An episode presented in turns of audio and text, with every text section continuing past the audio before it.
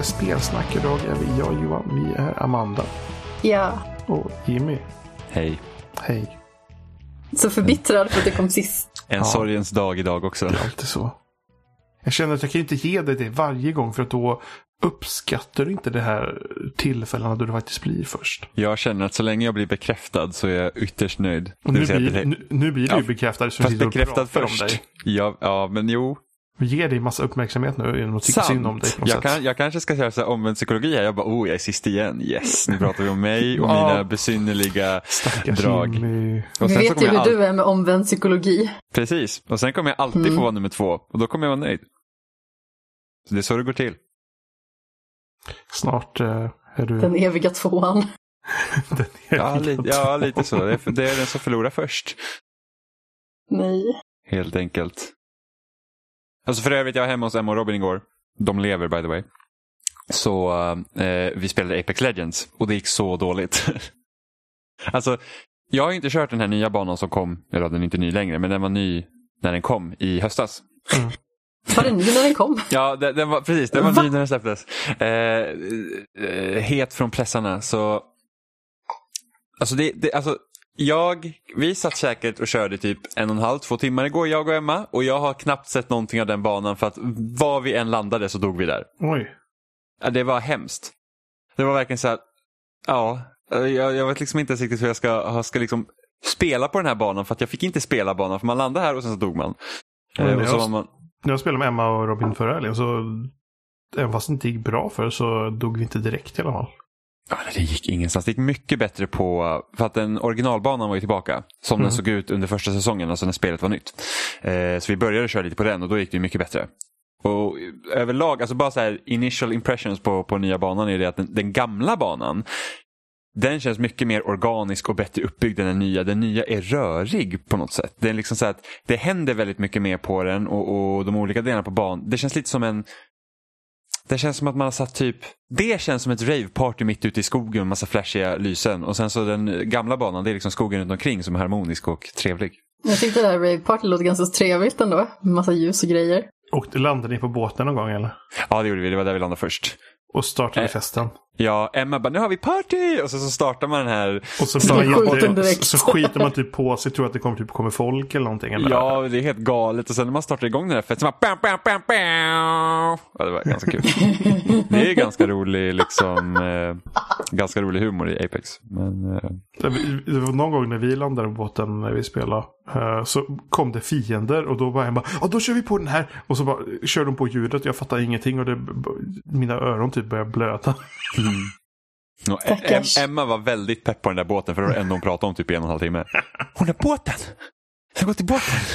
Och, jag bara, och så kommer man dit och jag tänker så här, när man initialt säger liksom båt, då tänker jag på att det faktiskt är en båt, men det var ett flygande skepp. Är bara Så så här en bara, liten jolle. Jag bara, var är båten? Hon bara, den är ju där. Jag bara, men det där är ingen båt. Men det är typ som en båt. Ja, alltså jag förstår ju nu vad du menar, men alltså, alltså jag är typ, okej, det första när någon säger så här, vi ska gå till en båt i spelare, jag tänker typ på Daisy's Cruiser från Mario Kart Double Dash. Men, typ den, jag tänkte så här, åh en lyxkryssare mitt på banan vid vatten typ, men det var inget vatten. Så det var lite trist. Eh, men vi har väl spelat lite spel den här veckan, antar jag. Ja, Förutom faktiskt. att jag har förlorat i Apex Legends. Jag, eh, jag har spelat Steamworld Quest och klarat ut det. Ja. Eh, vilket är ett spel från Image and Form tror jag de heter. Svenska utvecklare. Från Och det är Göteborg. sant. Ja. Det, Det är de, det det är de där... som Bergsala typ har köpt nu eller någonting sånt där. Eller, Nej, Thund... alltså Bergsala går in i Thunderful Games. så var det. Och Precis. Thunderful Games är de som har gett ut Lonely Mountains. Ah. Vilket är helt bisarrt för jag tänkte att Thunderful var, var en liten ett litet spektakel. Så att eh, det kändes helt, eh, alltså det kändes så himla märkligt att Bergsala blir en del av dem och typ inte tvärtom. Ja, det lät ju vet- lite omvänt. Ja, men sen vet inte jag hur stort Bergsala är. Du får tänka på att de sköter distributionen i hela Norden för Nintendo-grejer. Jo, men Thunderful sköter distributionen av sina spel i hela världen.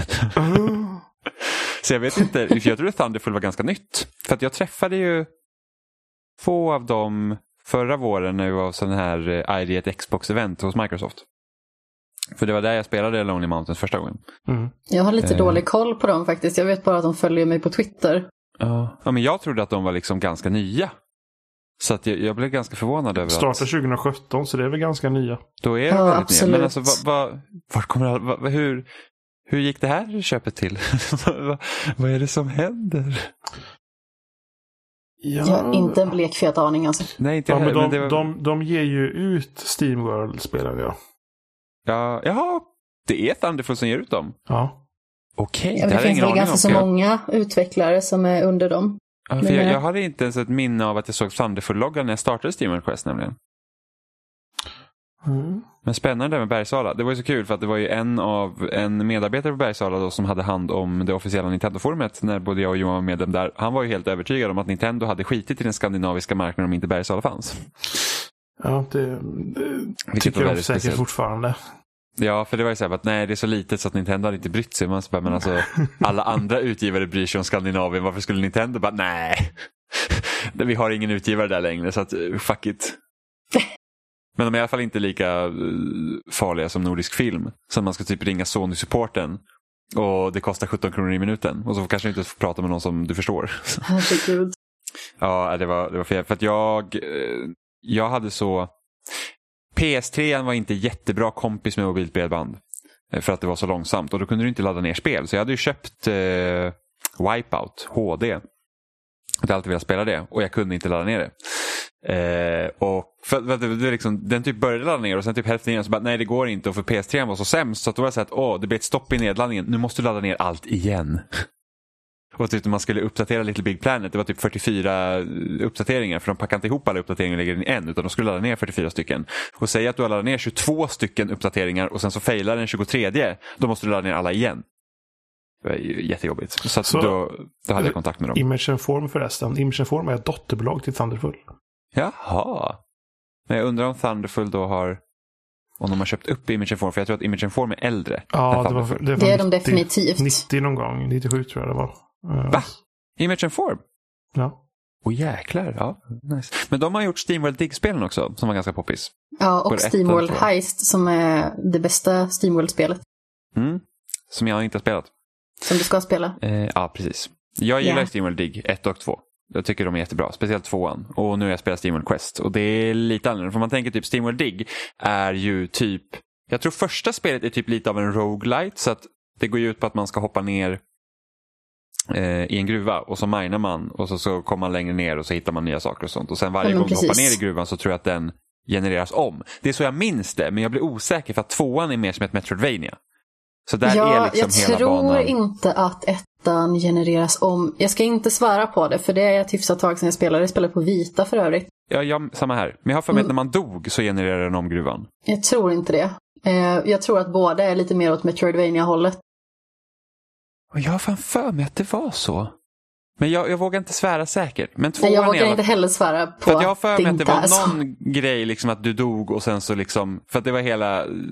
Alltså men när man dog Rogue- så kommer man tillbaka till toppen. Ja, men det vet jag. Men, så, Mm. så, men det var det jag tänkte att då började gruvan liksom om. Du fick inte börja om helt och hållet, därför Roguelite.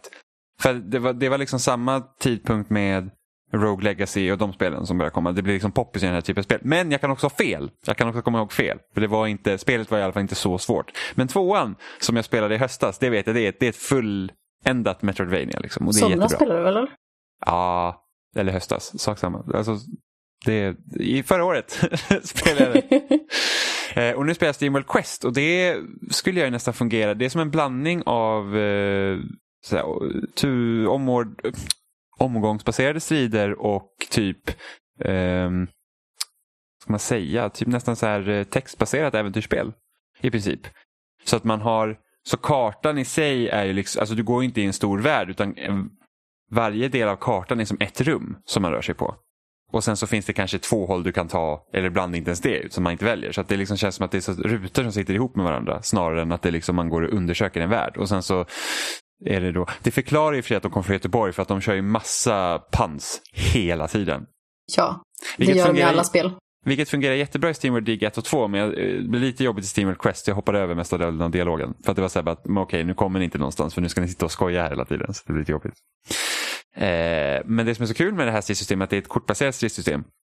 Eh, som är faktiskt ganska fiffigt. Eh, just för att, alltså när jag tänker mig typ kortspel, även när det kommer till typ JRPG och sånt, så jag tror första kortbaserade JRPG jag spelade var typ Bait Kaito som också har ett, liksom, man har en kortlek som man blandar, men det är ganska stora kortlekar. Eh, och det jag tycker är så fiffigt med Steamworld Quest här är att du har, så du har ju precis att det är liksom tre stycken i ett party hela tiden. Och varje karaktär har liksom en egen uppsättning av kort eh, som blandas i en lek och sen så tar man upp korten då när man liksom spelar. Eh, och, men varje karaktär kan vara åtta kort. Så det gör att det hela tiden är att om du byter ut kort och sådana där grejer så är det hela tiden, det är så liten skala så att det blir liksom inte överväldigande. För alltså, tänk dig själv om man typ ska sätta ihop en lek i Hearthstone och man säger bara, alltså jag orkar inte ens Alltså det är så mycket kort så jag vet inte ens vad som är bra. Och sen hoppar man in med en lek som man har gjort dålig och sen så funkar det ingenting. Eh, men, här, men här är ju för att det, det, det, är liksom så, det är så smått. Vilket, och, utan att egentligen förlora att det kan vara liksom komplext också. För att det som de här karaktärerna gör är det att du kan ju blanda mellan alla karaktärers liksom attacker. Så att du, du har liksom en kedja av attack som man säger. Så du kan lägga fram tre kort åt gången. Eh, och, och du kan lägga en attack från varje karaktär om du så vill. Om det är de korten du har plockat upp. Eller så kan du kombinera en eh, liksom karaktärs attacker och då får man liksom en bonus. Om du lyckas lägga tre kort från en, då får man en bonusattack. Eh, och, varje, och det finns attacker som tar energi eller så har du attacker som ger energi. Eh, så varje attack ger liksom en energi så länge de inte kräver energi istället. Om, om ni förstår vad jag menar. Och sen så till exempel. Jag, jag har ju spelat det. Så. Ja men precis, men jag har två attack, vanliga attackkort så får jag två stycken kugghjul av dem. Och sen har jag ett kort som kräver två kugghjul, då kan jag lägga den. Och då nollställs liksom mätaren. Eh, och sen så får man massa bonusar. Så det är ganska kul liksom att hålla på att eh, kombinera de olika lekarna. Och sen, jag kommer ihåg att det var typ i början så det var, alltså, starten i spelet är rätt så lång. Eh, det tar liksom tid innan man kommer liksom under och, och, man känner att spelet börjar bli djupare. För det var ett tag där jag kände att okay, men nu har jag liksom gått här kanske en och en halv timme och slagit exakt likadant och det, liksom, det händer inte. Men sen liksom blir spelet svårare. Du får, kommer andra fiender som har olika element. Vilket gör att du måste tänka om hur dina lekar är. Du kanske liksom säger, åh den här karaktären helas av el. Då kan jag inte ha elattacker på mina karaktärer utan då måste tänka, okej okay, men då måste jag lägga om det så här. Och sen så kan man ju ha också planera så att om jag har min magiker som egentligen inte har några vanliga attackkort utan bara attacker som kräver energi. Då kanske jag kan bygga de andras lekar så att de har fler vanliga attackkort så att jag kan få energimätaren att komma upp. Så att jag kan använda min magiska attacker. Så att det är ganska kul eh, att kunna göra det på det sättet. Och just att man har det här kortspelet som utan att krångla till det allt för mycket. Just för att det finns en begränsning att varje karaktär får bara ha åtta kort. Eh, och Sen kan man uppgradera korten så att de blir starkare och sen så kan man crafta nya kort och sådär. Så det, det är nästan som att de har gjort ett mer komplext system än vad spelet tillåter dig att använda första gången du går igenom det. Om man säger så. För att jag har en rad kort som jag inte har behövt crafta. Men då kan man spela New Game Plus och då kan man köra på svårare svårighetsgrad och då kommer man behöva tänka om mer till exempel. Eh, men det är ett väldigt bra spel. Faktiskt. Det är de Image Inform, alltså de har verkligen hittat på en bra grej med den här hela Steam eh, World-serien som de har. För att alla så som jag har förstått det så utspelar sig de här spelen liksom i samma universum. Så det är ju de här typ, ja alltså Steamworld Dig det är ju typ eh, western uh, ja, på det. och det här och är lite mer typ uh, medeltiden. Fantasy. Ja. ja. Och då är, liksom är det typ sagt att det här då ska då Steamworld Quest utspela sig innan Steamworld Dig-spelen för att det här är liksom en gammal historia. Och Steamworld Heist utspelar sig i rymden. Mm, så då har du liksom mer sci-fi angle på det helt enkelt. Mm, precis. Det de framförallt är väldigt bra på det är att skapa roliga karaktärer. Och karaktärer som är roliga att spela som. Och ja. de har väldigt eh, roliga, alltså både så vapensystem och attacker och sånt. Alltså ta typ DIGG, där har man ju alltså, olika typer av, eh, ah, vad ska man säga på svenska? Tråkigt det blev. Nej men man har olika typer av utrustning för olika saker. Alltså man har ju en hacka till exempel, man kan släppa lite bomber. Man eh, behöver fylla upp en vattenmätare för att kunna utföra vissa typer av saker. I Steamworld Heist så har man ju en mängd olika roliga vapen. Eh, Steamworld Heist som då är liksom i tvådimensionell vy istället. Eh, och är i, taktiskt i, i form av, när man säger typ XCOM i 2D lite grann. Mm. Eller ja, alla Steamworld-spelen är i 2D, men eh, skulle komma fram till det här med XCOM-grejen i alla fall. Och jag tycker att det är jätte, jätteroligt. personligen så håller jag Highest högst. Just för att alltså, barndesignen är fantastisk. Sen så tycker jag att de andra spelen är jättebra också. Jag tycker Quest är det näst bästa. Ja, jag Hittills. är... Jag sitter fast på en drag. Jag tycker ändå det är kul att de har liksom hittat ett sätt att istället för att bara göra samma spel om och om igen, nu även om Steamworld Dig 2 är liksom en uppföljare på ettan, så har de liksom, de kan fortfarande göra samma typ, alltså de, de liksom rör sig i samma liksom område som de Mm. har, men de, de, liksom, de, de, de leker i olika genrer. Liksom. Ja, första Dig-spelet avslutas ju lite med typ en cliffhanger. Kan man väl säga. Jag kommer inte ihåg hur första slutar. Men Jag vill antar minnas det i alla fall. Jag antar att det är det som leder upp till tvåan. Tvåan. Eftersom där är ju typ hjälten i Dig är typ skurken. Eh, men det är jättebra spel. Alltså, jag spelade på switchen när jag åkte tåg och sådär. Så det, det, är liksom, det är väldigt kul. Just för att det inte är det är inte så liksom komplicerat så att det, det är ganska bra när man reser. Så att det inte liksom, alltså Typ Joy-Consen är inte alltid de bästa liksom att spela med och även om jag spelade Zelda ganska mycket när jag också pendlade eh, när det släpptes så är det ändå liksom det är svårt att pausa Zelda och bara lägga ner. Här, medan Steamworld Quest är det liksom alltså att ja, men det är omgångsbaserade strider och det är liksom så här, då kan man ta sin tid på sig och det liksom måste man flytta på sig. Någon toanödig passagerare sitter innanför en och ska gå förbi hela tiden så kan man liksom säga okej, lägga ner och sådär. Ja, men Nej. man behöver ju liksom ingenting reaktionsbaserat i sin liksom, personliga fingerrepertoar, utan det handlar ju mer om att använda tankebanor och utföra därifrån. Mm. Men det är, det är ett jättebra spel, jag är väldigt positivt överraskad. Eller ja, inte för att jag trodde att det skulle vara dåligt av något slag. Men Tror så du att jag skulle ha rekommenderat det här till dig i typ så här ett halvår? Bara så här, nja, det är okej. Ja, du är lite märklig. Så att eh, jag var lite orolig. Men det, det är liksom... Jag gillade ju Dig 1 som sagt. Men sen har jag liksom aldrig tänkt på att åh, nu kommer nästa Steamworld-spel. Självklart måste jag spela det. Liksom. Sen är problemet också att de inte har inte alla spel på Xbox. Det är ju det. Det är lite synd. Nej. De har Dig 1 och 2 där, så jag förstår inte varför de inte har Quest och Heist också. Men samtidigt då kanske Dig 1 och 2 inte har sålt så bra på Xbox. Så då, alltså, Switchen känns ju nästan som att det är absolut den plattformen man måste prioritera om man är liten utvecklare. Jo, men jag tror att det är lite därför som de bara har släppt eh, Quest på Switch, alltså av eh, konsolerna. För det finns Mm. ju på Steam också. Ja, för att jag tror inte att... Alltså jag vet att... Jag har för mig att indiespel på PS4 har gått ner sig under generationens tid. För att de var ju ganska liksom... Eh, I början av generationen så var de väldigt måna om att mindre spel skulle få plats. Och sen ju mer av deras egna liksom, stortitlar kom ut så har det nästan kommit i skymundan. Och där var ju Microsoft tvärtom. För de var ju väldigt lite så här anti nästan i början. För det var liksom mass- de hade jättekonstiga klausuler för att kunna få släppa på deras plattform. Och sen började de med så här ID1 Xbox-grejen och, och sådär. Och sen med Game Pass så tror jag nog att eh, indiespel och sånt kan också få en skjuts.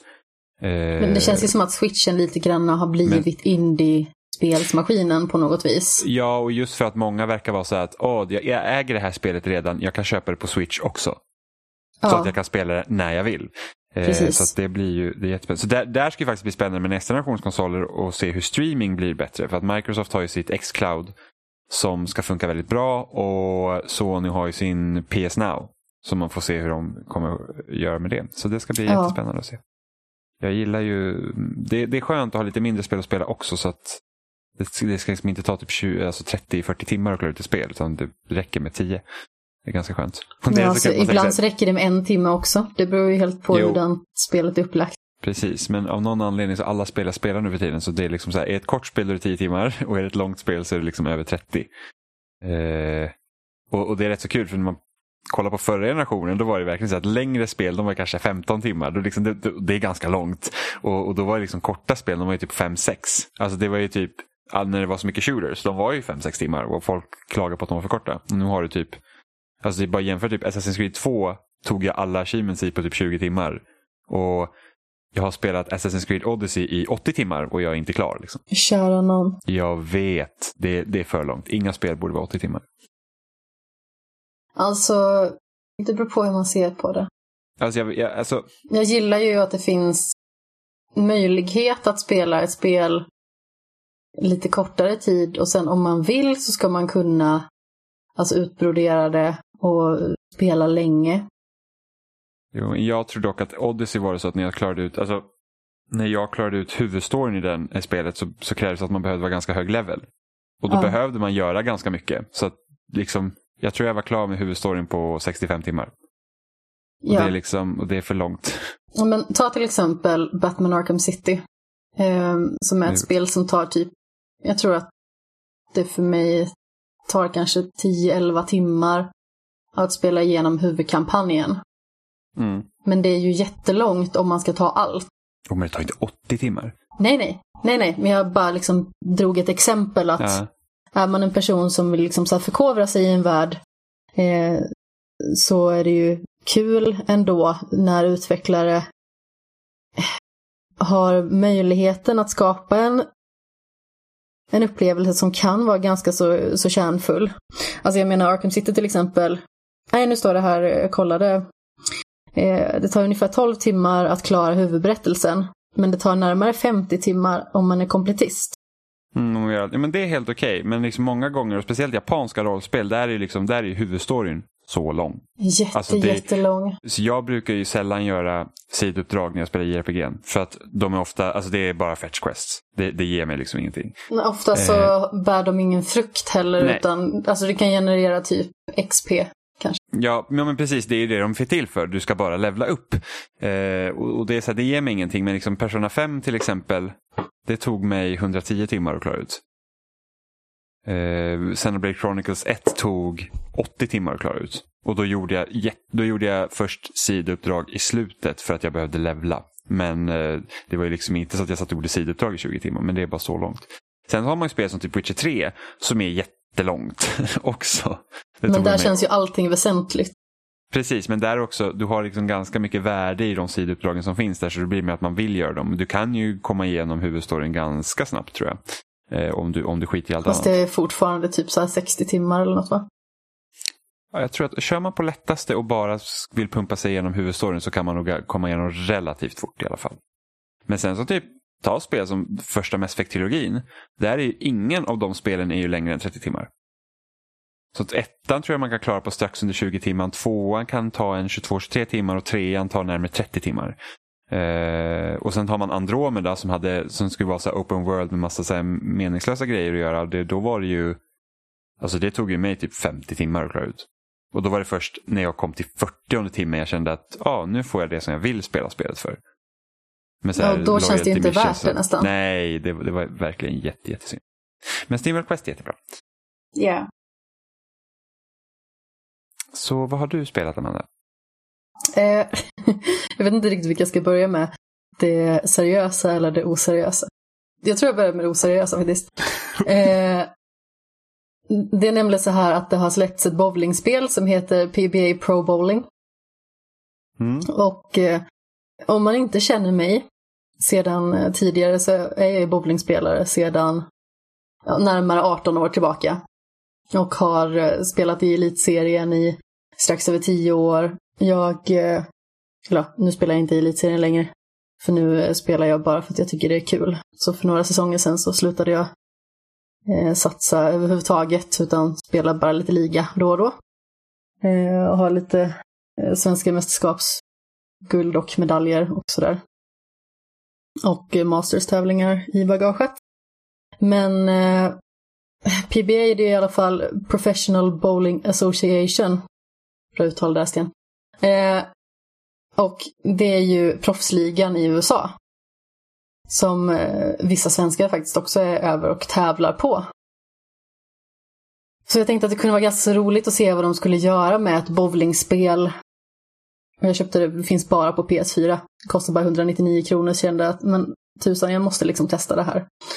Och eh, jag märkte ganska så direkt att eh, det är inget direkt bra spel per definition. Alltså, det är ganska roligt att det liksom finns en, eh, ja, det är ju ingen huvudberättelse, men det, det finns ju liksom eh, en möjlighet att spela en kampanj där man eh, tar sig igenom olika typer av tävlingar. I varje tävling så ska du liksom inte bara typ vinna för att få guldstjärna som i sin tur då leder till en trofé till exempel, utan ehm, det finns även utmaningar på varje. Ifall man då vill ta alla troféer. Jag har tänkt att jag ska göra det. Bara för att jag tänkte att det kan vara en kul grej att ta platina i det här. Men de här utmaningarna i alla fall, det kan vara allt från att men, eh, skaffa den här bollen och gör tre strejker med den i den här tävlingen. Och det kan vara typ att man gör de tre strejkerna, sen kan man börja om. Eh, om, man, om man vill, så har man fortfarande klarat av det. Så det, det behöver liksom inte vara så att okej, okay, du har kommit tvåa i den här tävlingen och du vill fortfarande vinna. Då behöver inte du klara utmaningen en gång till, utan då har du redan klarat utmaningen en gång. Eh, vilket jag tycker är ganska bra i alla fall. Mm. Men eh, lite problematiskt tycker jag är att vissa av tävlingarna, då får man ju inte se några andra spelares resultat. Eh, Såvida inte jag är helt tappad bakom vagnen och har missat någonting jättecentralt i det här spelet. Utan då kan det liksom vara så att det var en gång jag satt och nötte på en kupp och jag gjorde 239 poäng tror jag att det var jag gjorde. Och det är ganska mycket. Um, och eh, då kom jag bara tvåa i tävlingen. Då hade ju den ettan liksom gjort 247 poäng eller någonting sånt. Mm. Och då blir man ju lite kinkig när man faktiskt sitter där och tycker man har gjort ett bra resultat. Och så måste man liksom vänta på att okej, okay, jag kan fortfarande ha förlorat. Eh, medan det också liksom finns typ finalsteg och sånt där man får möta en faktisk spelare. Eh, nu senaste tävlingen jag spelade fick jag möta Jesper Svensson till exempel som är från Vimmerby. Eh, som jag har eh, träffat och eh, känner sedan tidigare, sedan han bara var två tollar hög ungefär. Eh, vänsterhänt och spelar med två händer. Vilket blir mer och mer eh, vedertaget i eh, liksom, bowlingvärlden då. I och med att det finns framförallt en australiensare som heter Jason Belmonte som spelar eh, med två händer. Även en, en finne som heter Oscar Parlerma som Ja men, de har väl visat sig ganska så mycket. Eller framförallt Jason då. Och sen nu eh, Jesper. Som är, jag tror att han är tre år yngre än vad jag är. Och han är fantastiskt duktig. Han har så extremt eh, hög både högsta nivå och lägsta nivå. Men, så, men då är det jättejobbigt i de här tävlingarna när du inte ser, för du, då, då har du liksom inget ens resultat att jämföra med under tiden du slår. Nej. Så att man eh, vet ju det är inte så att ah, men nu är jag på typ sjunde slaget och jag bara, ah, det är kört. Eller jag måste nej, sätta nej, typ precis. tre strikes i rad för att kunna ens vinna. Utan det blir så här att då kan man inte börja om heller om man känner att det går, inte går tillräckligt bra. Nej, alltså såvida inte jag har missat någonting eh, totalt så kan man inte se hur man ligger till. Mm. Och hade jag vetat liksom att jag efter sjunde rutan absolut inte kunde leda det steget till exempel, då hade jag ju hellre börjat om. Um, och sen så naturligtvis så finns ju de här typ finalstegen där man möter en faktisk karaktär. Och alltså Animationen är helt okej okay, kroppsligt sådär. När jag kollar på Jesper till exempel som jag har sett spela i verkligheten jättemånga gånger, då ser jag att det är hans spelstil. Sen så ser kroppen lite, hur ska man säga, den ser lite fumlig ut. Alltså den, det hade kunnat vara snyggare gjort, snyggare format och sen så är ansiktsuttrycken på alla spelare stoneface hela tiden, vilket mm. jag tycker känns väldigt träigt. Och då känns det liksom inte riktigt så realistiskt som jag tror att de faktiskt vill att det ska vara. Plus att det finns två stycken olika lägen i det här som man kan utgå ifrån i inställningar. Det finns eh, simulation och så finns det arcade. Och det är små skillnader som, som gör det liksom. Eh, jag märker ingen stor skillnad när jag spelar så rent fysiskt i simulation och arcade. Mm. Utan då är det liksom att men, du ställer in din spelare eh, vart hen ska stå. Alltså med fötterna då. Eh, sedan så får du ju se vart du siktar helt enkelt ut i banan.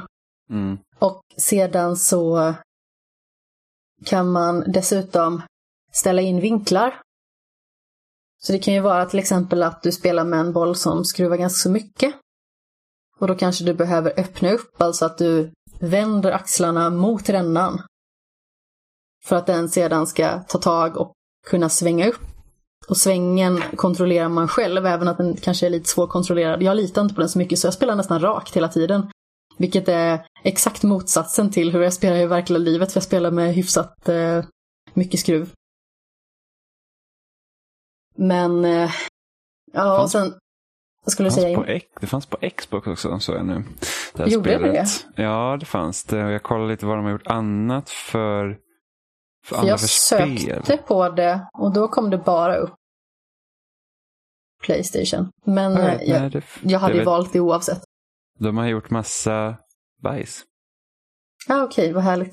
De, gjort, nej, de gjorde ett NFL-spel på original Xbox ser jag. Och de har gjort, de har gjort NFL-spel för EA. Mhm. NCAA fotboll.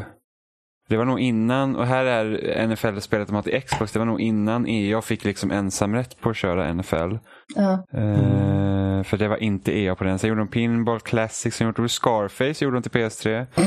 Eh, Hotel for Dogs till Wii. Vad De har gjort lite hel... baseballspel. Sen har de här de gjorde Brunswick Pro Bowling till PS3. De har Mm. gjort några varianter. Pinball Arcade. Party Arcade. Så det är lite, Lite blandade småhopp helt lite, enkelt. lite partyspel och sånt. Ja. Ja.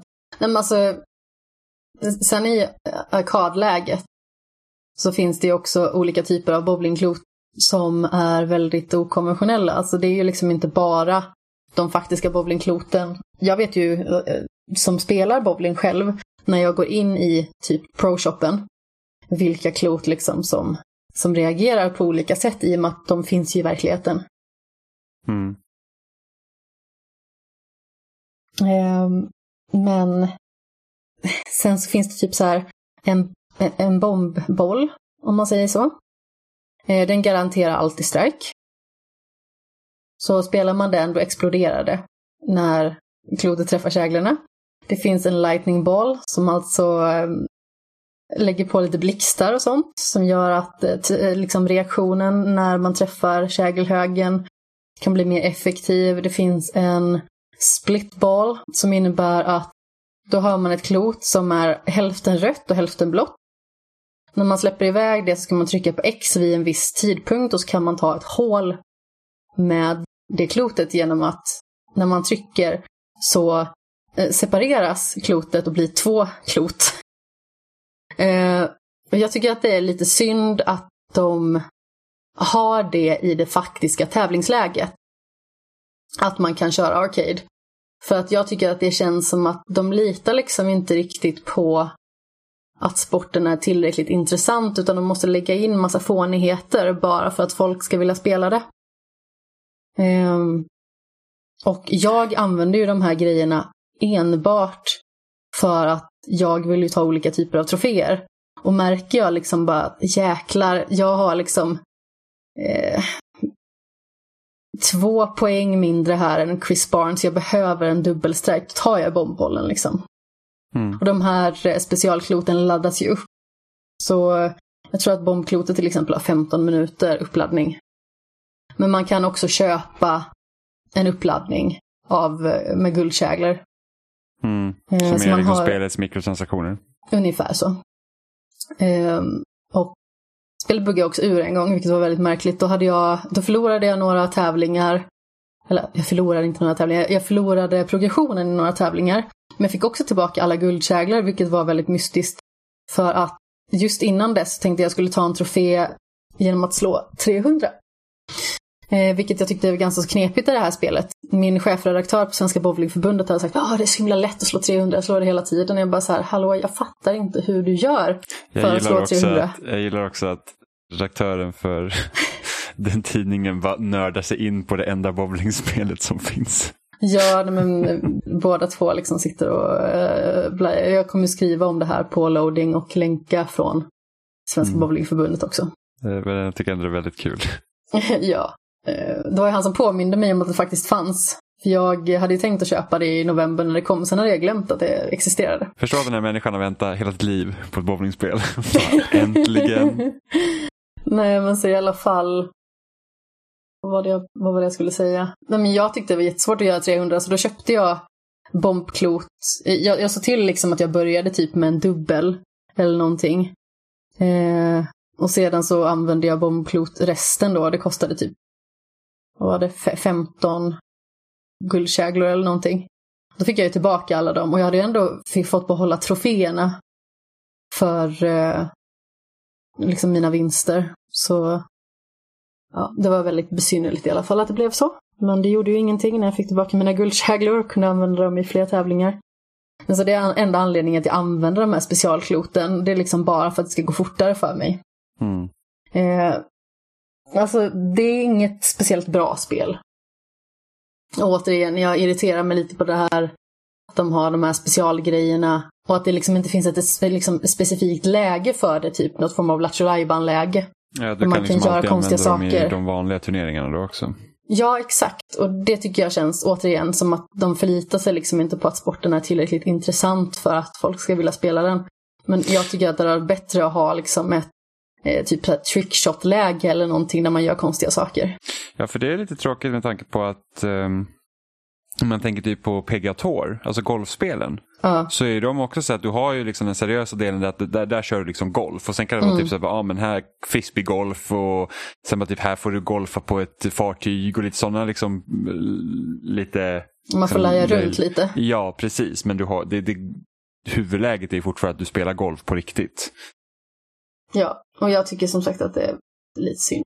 Det är lite beklagligt. Men alltså, det är ganska så roligt att spela. Jag har spelat det jättemycket de senaste dagarna och du, du som eh, av förklarliga skäl hela tiden har kontakt med mig. Eh, du vet ju liksom hur ofta jag bara, ja nu spelar jag PBA. Ja, Eh, så det är inte det att det är tråkigt att spela, det är inte ett fantastiskt spel på några sätt. Tycker man att bowling är roligt så tycker man att det här är ganska så roligt också. Mm. Eh, ja alltså man säger så Lite på du, plojviset. du som tycker om, alltså du som bowlar på riktigt liksom. Ja, Kan finnas en, en Ja, det, det finns ju en charm i det. Alltså, i, I synnerhet om man känner igen spelarna så blir man lite så åh den här personen har jag träffat eh, den där gången som han var i Frölunda och hälsade på. Jag väntar på fortfarande ett AAA travspel. Ja, Det fanns ju ett det fanns ett PC-spel som jag, en kompis hade till mig där man liksom fick ta hand om hästar, alltså föda upp dem och träna dem och sen så kunde man antingen köra trav eller galopp. Eh, jag vet inte vad det heter, jag har alltid velat spela det men eh, Jag har ingen aning. Däremot så spelade jag Arvet från Rosemont Hill. mm, Jag har varvat det så många gånger. Vad duktig jag var på det. Alla hopptävlingar. jag har inte spelat det heller. Det var jätteroligt på den tiden. Alltså jag, bara, så jag minns det som att det var snyggt och så kollar man bara Ugh. Ja, men du hade spelat något annat spel förutom bowling? Det har jag. Jag har spelat ett spel som heter Seventh Sector. Mm. Som är ett eh, cyberpunkigt spel i ett eh, typ övervakningssamhälle. Jag vet inte exakt var det ska utspela sig för någonstans, om det finns en, eh, en faktisk eh, tänkt plats eller sådär. Men man spelar någonting så pass märkligt som typ en liten eh, gnista av elektrisk energi. Så Och- du, spelar el? Ja, jag spelar el. Spelar el. ja. Presenterat Eh. av Vattenfall. Eh, men man för sig själv genom olika typer av eh, ledningar. Och sedan så kan man ta över olika typer av elektrisk utrustning. I bakgrunden får man ju liksom se alltså både så här sorgliga scener och hemskheter hända. Eh, det är på ett ställe som man till exempel får se ett hemligt meddelande på väggen när man aktiverar en speciell eh, lampa eller något form av speciellt sken och sådär. Eh, man kan hacka sig in då i typ så här radiomaskiner och typ en grammofon som jag hackar mig in i. Tv-apparater, alltså allt möjligt. Det är spännande. Det är till och med så att jag hackar mig in i en, en unges radiostyrda bil. Eh, det var jättefumligt att eh, utföra det uppdraget. Jag är glad att jag eh, inte slet av mig allt mitt hår just där. För då är det typ att man ska eh, ta över den här radiostyrda bilen och sen så ska man locka på en robot som står vid ungens säng. Och sen så ska man ta roboten till en igenkänningsskanner så att man kan få tillräckligt med vikt i en eh, hiss. Så att man kan åka ner med hissen. Eller så uppfattar jag att det ska vara i alla fall. För man puttar in, med den här radiostyrda bilen, puttar man in färgburkar också. Så att du ska utgöra mer vikt. Eh, man eh, använder sig liksom av eh, olika typer av generatorer och sånt. Och man, på vissa ställen så ska man försöka få till tillräckligt med volt eller eh, det kan vara liksom att om du, du ska gå in i den här och så ska du hacka den så att eh, strömmen förs i eh, rätt riktning. Alltså sådana grejer. Mm. Eh, och alltså premissen är superintressant, verkligen. Tycker jag. Alltså framförallt typ när man ser någon som har blivit eh, mördad i bakgrunden eller någonting sånt. Så undrar man ju vad fasen är det som har hänt och sen så kan man se typ ett så här hemligt meddelande så att man kan skriva i en kod och sådana grejer. Men hur Eh. kommer det liksom att, att just man är liksom, man är då energin i det här, alltså vad är det, vad är det som gör att man styr det man styr? Så Jag att säga aning. och att, och att man inte, okej, du har inte klarat ut spelet än eller? Nej, det har jag inte. Nej. Det kanske kommer Eh, framgår sen. För jag tänkte bara ja. liksom att om, om, om vi ska visa någon form av samhälle så liksom varför är man det man är liksom. Ja, nej, jag vet inte. Jag antar att tanken är Eller du kanske är att man ska vara en systemet. observatör liksom. Ja, ja okej. Eh, Jag antar att det är därför. Eh, Och liksom för att det finns många möjligheter med att vara el. Eh, Mm. Så jag antar att liksom på de grunderna. Sen så är det ju både kul och tråkigt att spela det. Om man säger så. Alltså det finns pussel som är logiska, som är väldigt roliga. Spelet säger aldrig till en vad man ska göra för någonting. Utan det får man liksom lista ut själv hela tiden. Um, och vissa pussel som sagt är jättelogiska och man känner bara så ah, okej okej här ska jag göra det här. Och sen kan det vara liksom sådana här grejer som man typ får gissa sig fram via trial and error och jag blir så irriterad. För att ibland, alltså jag, jag tycker att det finns spel, precis som vi har pratat om Jimmy, som är så baserade på typ trial and error. Alltså typ Super Meat Boy Celeste. Man testar en sak, man dör, man testar en sak igen, man dör, man hittar en ny väg, sen så dör man och sen så kommer man längre och längre fram, dör, dör, dör. Och håller på så tills man till slut klarar det. Här, när det är liksom ett segment av ett spel, då blir det bara dumt. Mm. Eh, och det får en liksom att känna sig korkad för det känns liksom som att bara, är det någonting jag har missat som gör att inte jag förstår det här? Eller är det bara liksom fånigt? Mm. Och det känns mest som att det är fånigt. Vilket jag tycker är lite synd. Okej. För att eh, det är intressant. Och det är ett bra spel, liksom eh, idémässigt. Sen så är utförandet inte alltid tipptopp. Sen så finns det ju en del grejer som man inte behöver göra också. Alltså typ, Typ, eh, typ bonuspussel eller? ja, men typ så här överbelasta vissa saker och, och sånt.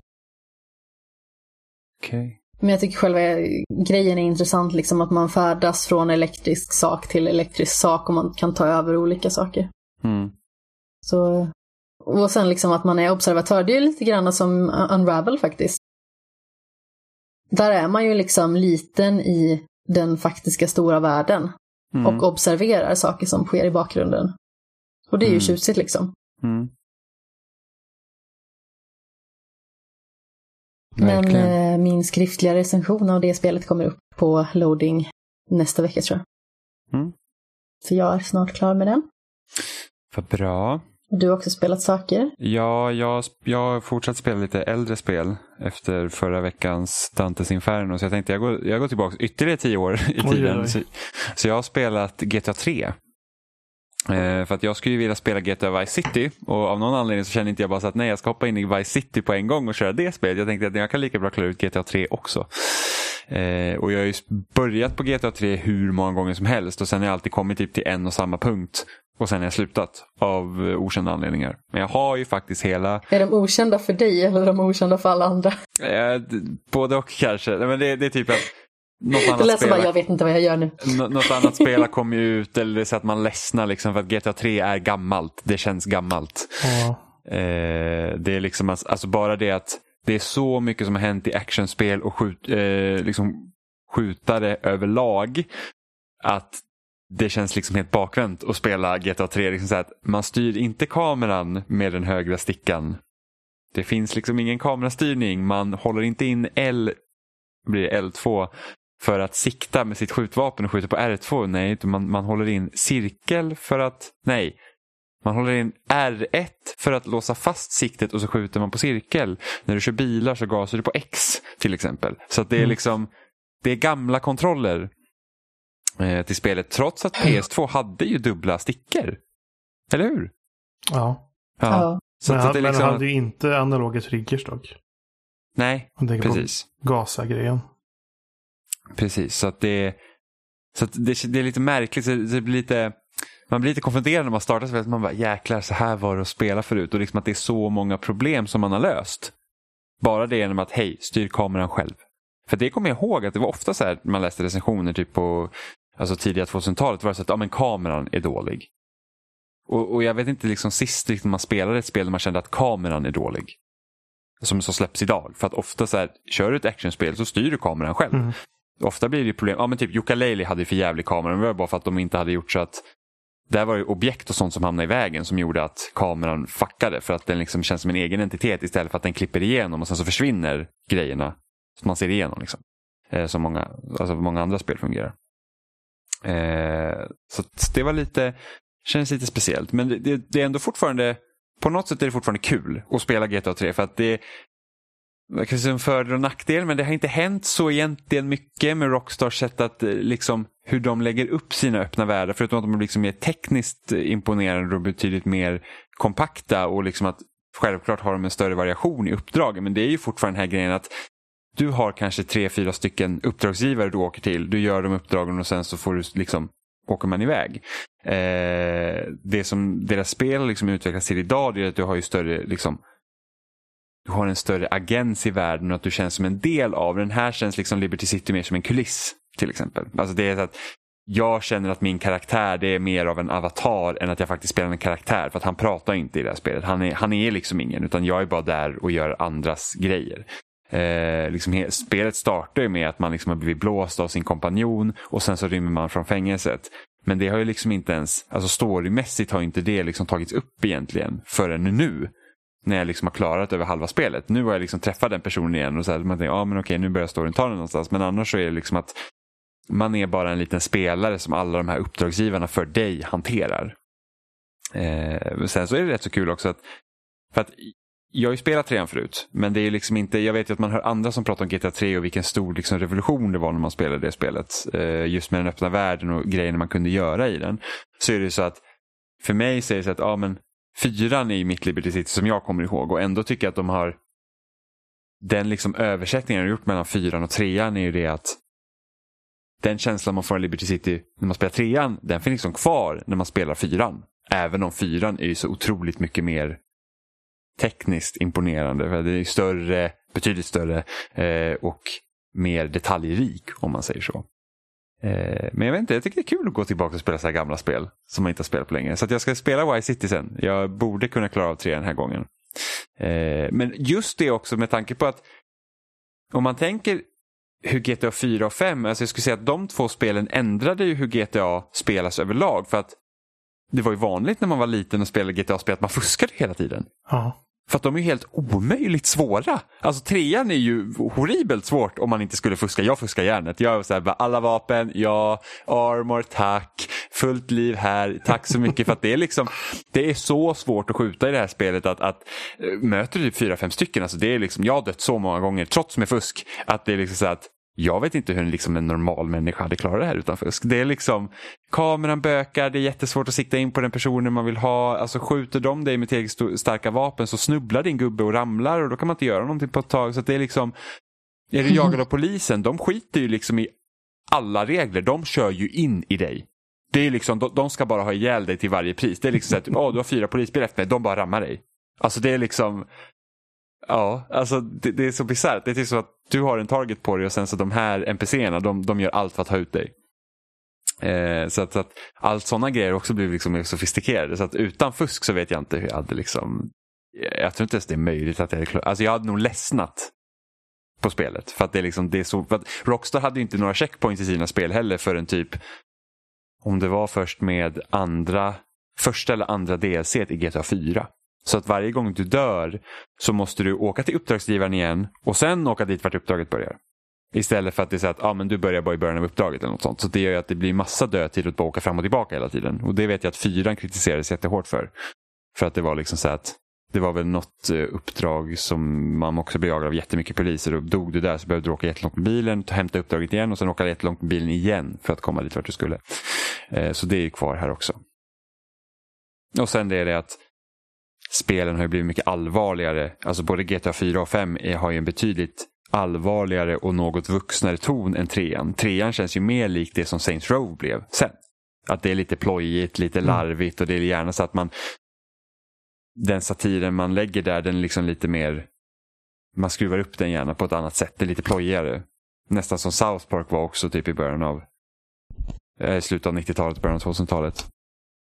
Eh, så att det ser man ju att det har ju också ändrats hur de gör spel. Men det, men det är kul. Det är kul att gå tillbaka till sånt gammalt spel tycker jag. Eh, så nu hoppas jag faktiskt att kunna spela Vice City för första gången. Faktiskt. Mm. Eh, Nintendo visade också upp mer grejer från Animal Crossing. Mm. Och ha, Johan, har du spelat Animal Crossing förut? Jag har spelat det på DS och det på 3DS har jag gjort. Mm. Mycket eller? Ja, relativt mycket. Mm. Vad tycker du om Animal Crossing? Kul mystidsfördriv. Mm. Typ. Typ, ja, men det är typ vad det är. Det är ju väldigt liksom chill. Eh, Animal Crossing. Jag har ju spelat, det enda spelet jag inte har spelat det var det som kom till Wii. Mm. För att jag kände typ att alltså det är en serie som jag känner även mellan om man jämför typ, för jag spelade först på Ga- GameCube. Och sen så den, de, de förändringarna som har skett i serien är ganska minimala. Det är ju alltid liksom att det finns förändringar men i stort sett så är det ju fortfarande Alltså det, jag, man gör i princip samma saker du gjorde på GameCube-spelet. Det är så att du får lån, och du ska betala tillbaka det och man tjänar jättemycket pengar genom att fiska. Så man gör det. Eh, och sen har vi typ lagt till liksom lite nya funktioner men det har liksom inte ändrat spelet i grunden. Som i New Leaf som var till 3DS, där kunde du till exempel, där var du borgmästaren över staden så då hade ju du lite mera, du kunde välja liksom lite hur det skulle se ut. Eh, och jag känner ju att nu när man fick se mer av Horizon på, i den här Nintendo Directen så känner jag att det här är den största förändringen i serien någonsin. Just med att nu är du på en öde ö som Mm. du kan ändra ganska mycket själv. Och du kan till och med Eh.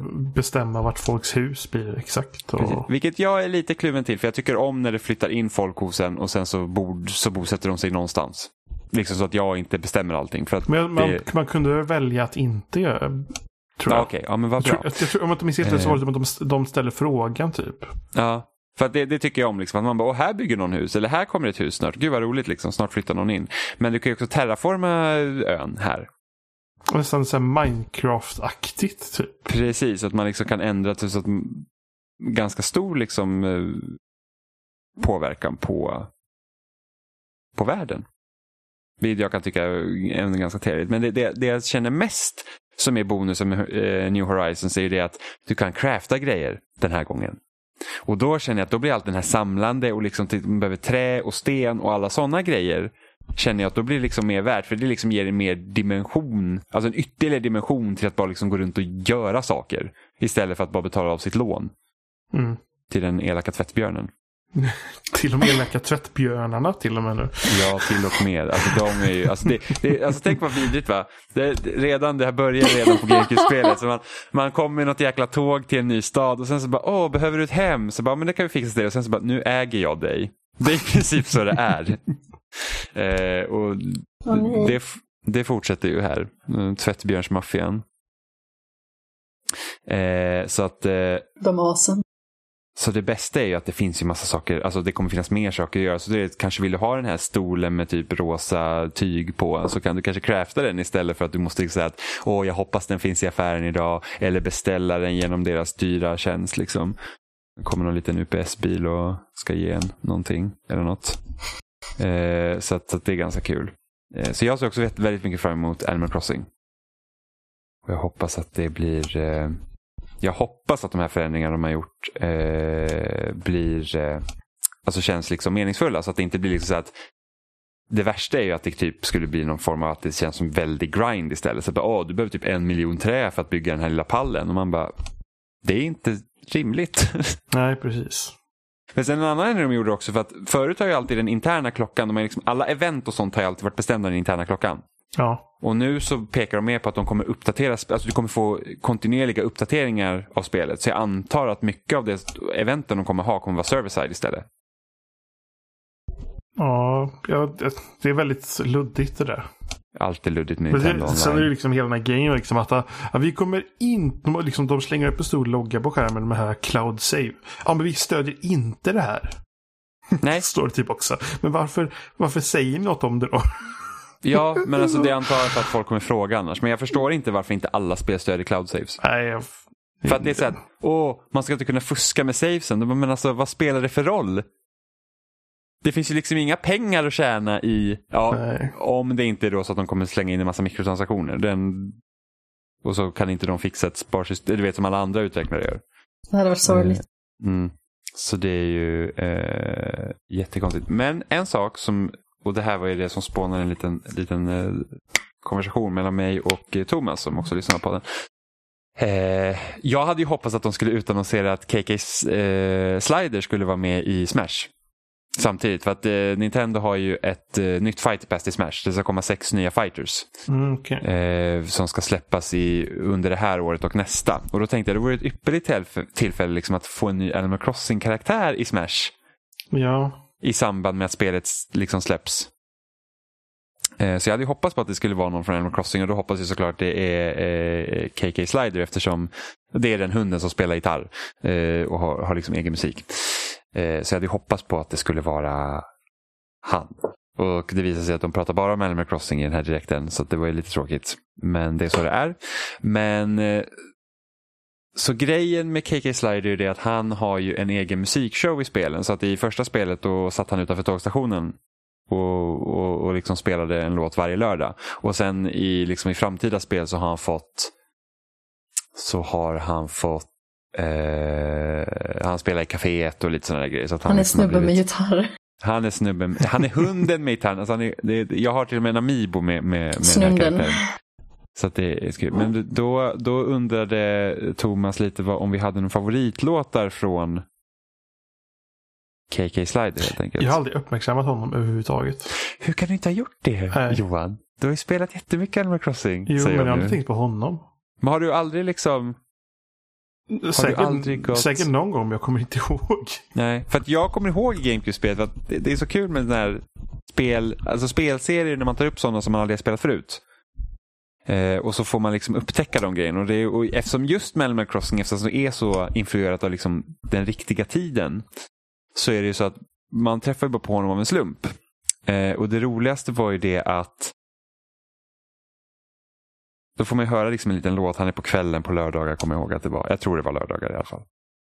Kan ha varit söndag också, men oklart. Eh, så, så, så, så spelar han liksom en låt. Och det roligaste är att den första låten jag fick av honom, för det är alltid olika låtar oftast. Och man kan typ requesta också om man vill höra en speciell låt, eh, om den finns då. Eh, och man känner till dem. Så den första låten jag fick, det är också min favoritlåt av honom och det är Go KK Rider till exempel, heter den. Eh, för det var Thomas han undrade vilka topp tre jag hade. Så jag har Go KK Rider, så har KK Ballad och Comrade KK. Eh, som är mina favoritlåtar av honom. Eh, och Thomas favoritlåtar är, och jag läser dem 1 till 3, då är KK Calypso, KK Bossa och KK Condor. Eh, för det är också rätt så kul att han blandar olika eh, genrer liksom beroende på vad, vad, vad spelet heter. Och sen så är det tydligen, eftersom egentligen Animal Crossing är ju liksom bara en front för att alla egentligen är skitvidriga. Så du har ju då Tom Nook som är liksom typ kapitalist eh, 101 och sen har vi då eh, KK Rider här som är typ übernarcissisten som döper alla sina låtar med sitt eget namn. Eh, så att eh, det är rätt så kul. Så det, är egentligen, men är det inte ganska klassiskt Nintendo att de har ganska snuttifierad profil och egentligen tar det bara fram allas värsta sidor i sig? Snuttifierad. Ja, men det, men titta på Animal Crossing, det ser ju urgulligt ut. Ja, ja, absolut. Mm. Och jag lovar att det är bara en front för typ att sälja droger till barn. Nej men, kära någon. Ja, jag säger det. Det är Det är så. ju... Ja, men alltså är det inte så när man spelar med Mario Kart? Ta inte det fram det värsta ur den. Ja, det gör det. Jag menar det. Så jag och min syrra vi har bråkat många gånger efter Mario Kart-matcherna. Du yngre. vinner alltid när vi spelar. Så jag får inte se dina värsta Mario Kart-sidor. Ja fast nu har, vi, nu har vi i och för sig bara spelat mot folk online. Och det, då, då vinner inte jag hela tiden heller. Mm. Däremot folk... så har jag ju sett dig när vi har spelat eh, Mario Party och jag stal en stjärna från dig och du var arg resten av dagen. ja, men, det var ju helt orimligt. Det fanns ingen logik i att ta min stjärna. Jag ledde Jo. inte ens. Jag hade en logisk förklaring. Det var att Emma ledde med två stjärnor. Ja. Över- ja, Exakt! Det Över borde ha varit andra. punkt där. Emma ledde med två stjärnor. ja, precis. Eh, och du och jag låg på samma antal stjärnor och Robin låg sist. Så jag tog din så att jag kom upp till en andra plats och kom närmare henne samtidigt. Och sen så sista varvet tog jag Emmas stjärna och vann. Jo, men vet du vad? Du, hade du tagit Emmas stjärna så hade du kommit över mig ändå. Och då hade du och Emma legat på samma plats. Vilket också hade gjort så här, då hade du kunnat ta Emmas stjärna hon- igen sen. Hon kanske hade ännu fler stjärnor. Hon kanske hade tre stjärnor mer än oss. Det som hade hänt om... om Strunt om, samma, jag hade en taktik i alla fall och den Ja, så- funkade för jag vann. Jag vet att det funkar, det är som är så irriterande. För det som, hade det hänt som jag logiskt känner att som man borde ha gjort, så man går ju på den som leder så mycket, så hade jag vunnit. Men jag försökte ju hänga av dig och Robin. Uh, det var, du låg sist så länge också. ja. Och ni typ så tyckte synd om mig. Nej! Jo, ni var så här, åh lilla vän. Jag tänkte bara att jag ska vinna. Eh, Jag trodde att Emma skulle vinna, vilket också var irriterande. Eh, Sen blev det men- ännu mer irriterande att Ja, jag sen blev det jätteirriterande också för att vi gör sådana ologiska vändningar. Men jag försökte hänga av er samtidigt som jag försökte komma ikapp henne. Alltså, jag hade vunnit om jag hade haft typ tre extra mynt. För då hade jag kunnat sno en till stjärna. Då hade jag vunnit. Det är så irriterande. Alltså Mario Party på Switch är inte speciellt bra heller. Det, det, det är ett ganska Mhm. mediokert Mario Party. Ja, Det- åttan. Mm, Mario Party 4 är ju det, är det bästa. Handspel. Det är skitbra. Mario Party 1 är också helt okej. Jag, kanske, jag kan nog tänka... Alltså, Mario Party 1, det var på den tiden när Nintendo kände så gud vad bra att vi har en spak nu så då kan man snurra på den här spaken. Det värsta var att den här spaken kom ju typ från helvetet eller någonting för den åt ju upp händer. Ja, och Alltså- sig själva. Ja, det också. Men Nintendo 64-spaken, alltså den var verkligen... Alltså, typ, jag hade sådana stora blåser efter att jag hade eh, mött Bowser i Super Mario 64 så att jag fick spelförbud för att då hade jag spelat för mycket. Vilket inte var sant. Det gick väldigt fort att få blåsor av den spaken. Faktiskt. Så det, det är väldigt, väldigt eh, irriterande. Och när ska egentligen Nintendo släppa en ny minikonsol? Ska vi inte få ett Nintendo 64 Mini? Alltså 64 är inte så jädra... Jag vet inte. För att de hade ju dragit nya alltså, patent på, på 64-kontrollen för något år sedan. Precis på samma sätt som de gjorde för både NES och SNES. Innan Alltså jag, jag har nog köpt den bara för att. Jag med. Men... Jag vet inte. Jag har känns- både Mega Drive Mini och Playstation Mini och de är inte ens upppackade en enda gången. De hade inte ens liksom varit... Alltså... Om man tänker också att det var mindre spel på SNESen NESen. och så På 1964-varianten blev det typ fyra spel eller någonting då. Ja fast nej, fast 64-spelen är inte så stora. De är större än de andra alla fall. Jo, men för vad typ Super Mario 64 inte typ på 60 meg eller något sånt där. Alltså Ja, på kommer- 64 då. Sen lär det ju vara större den på... var. Men... ehm, jag vet inte, det känns som att... Uh, det är inte jätteintressant för mig i alla fall. Men jag vill ju ha, alla- jag vill ha en GameCube Mini, det är därför. Jag arbetar ju upp mot den. det, det, Du kommer aldrig få återsläpp på GameCube. Egentligen så skiter du fullkomligt i... Nintendo 64? Ja, precis. Ja, gud, det var en hemsk maskin. Jättedåliga spel på Nintendo 64 och då, många har liksom åldrats dåligt också. Så det, det, det finns ju inget behov av en Nintendo 64-konsol egentligen. För, för, de- förutom för de som vill ha det då. Men, eh, för att de vill ju inte släppa liksom, deras virtual console-grej på switchen är fortfarande undermålig. Det kom typ tre nya spel. Ja, de, de, de liksom gjorde ett announcement. Här är det nya spel. Och det var liksom spel som man aldrig hört talas om. och de Ja, var så var helt liksom, ointressanta. och typ de första tre spelen på typ fyra månader. Det är liksom bara så här, vad, vad håller ni på med? Speciellt, alltså det tråkiga här är ju med att tjänsten på både Wii och Wii U var ju bra. Ja. Det är ju det som är det tragiska. Så det, Mm. ja, det är jättesynd. Men sen så tror jag också att problemet kanske med en sån tjänst också är det att de här, eh, om man tänker tredjeparts spelen till respektive konsoler är ju det att de kan nog tjäna en hacka på att släppa dem själva så de kanske inte är lika måna om att ge iväg dem som de Mm. var typ på Wii.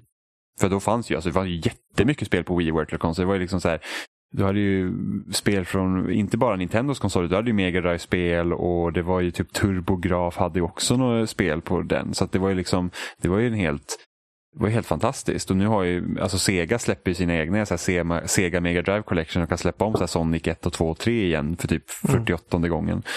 Ehm, så att det är ju, Alltså Wii vs. konsol var ju helt otrolig. Ja det var det. var helt absurt. Sen var ju Wii U också rätt bra för där släppte ju också Nintendo-spel som inte liksom, som var väldigt sällsynta. Som typ Earthbound. Släppte de ju på Wii U. Fanns inte på Wii till exempel. Så, eh, så det är en annan tid nu. Men det hade varit liksom, det är synd att de inte bara sagt att ah, men ni kan spela alla våra spel på konsolen. Ja. Det är väldigt synd. Men det är Nintendo i ett nötskal. Tur att Switch är en bra konsol. Annat i övrigt. Switchen är fantastisk. Det är ju Nintendo som har muppiga idéer för sig ibland bara. Ja, liksom hade de varit ett normalt företag som alla andra hade liksom alla de här grejerna som man känner så att det här är ju liksom en no-brainer. Då hade man haft det. Konst, väldigt, väldigt konstigt. Ja. Ja, det var väl allt jag hade den här veckan tror jag. Ja, det tror jag. Vi finns som vanligt på spelsnack.com. Och Där hittar man länkar till alla möjliga ställen. Eh, ni får gärna skriva till oss med e-post. Kontakta spelsnack.com eller förnamnet spelsnack.com. Eh, vi finns på Twitter, spelsnackpodd. Vi finns på Twitter också, men eh, det står i beskrivningarna vad vi heter där. Ja, det är så många namn. ja. Ehm, ja. Har ni något att tillägga? Nej. Nej, Då hörs vi om en vecka. Det gör vi. Hej då. Hej! Hej! Hej då. Puss i hemskan.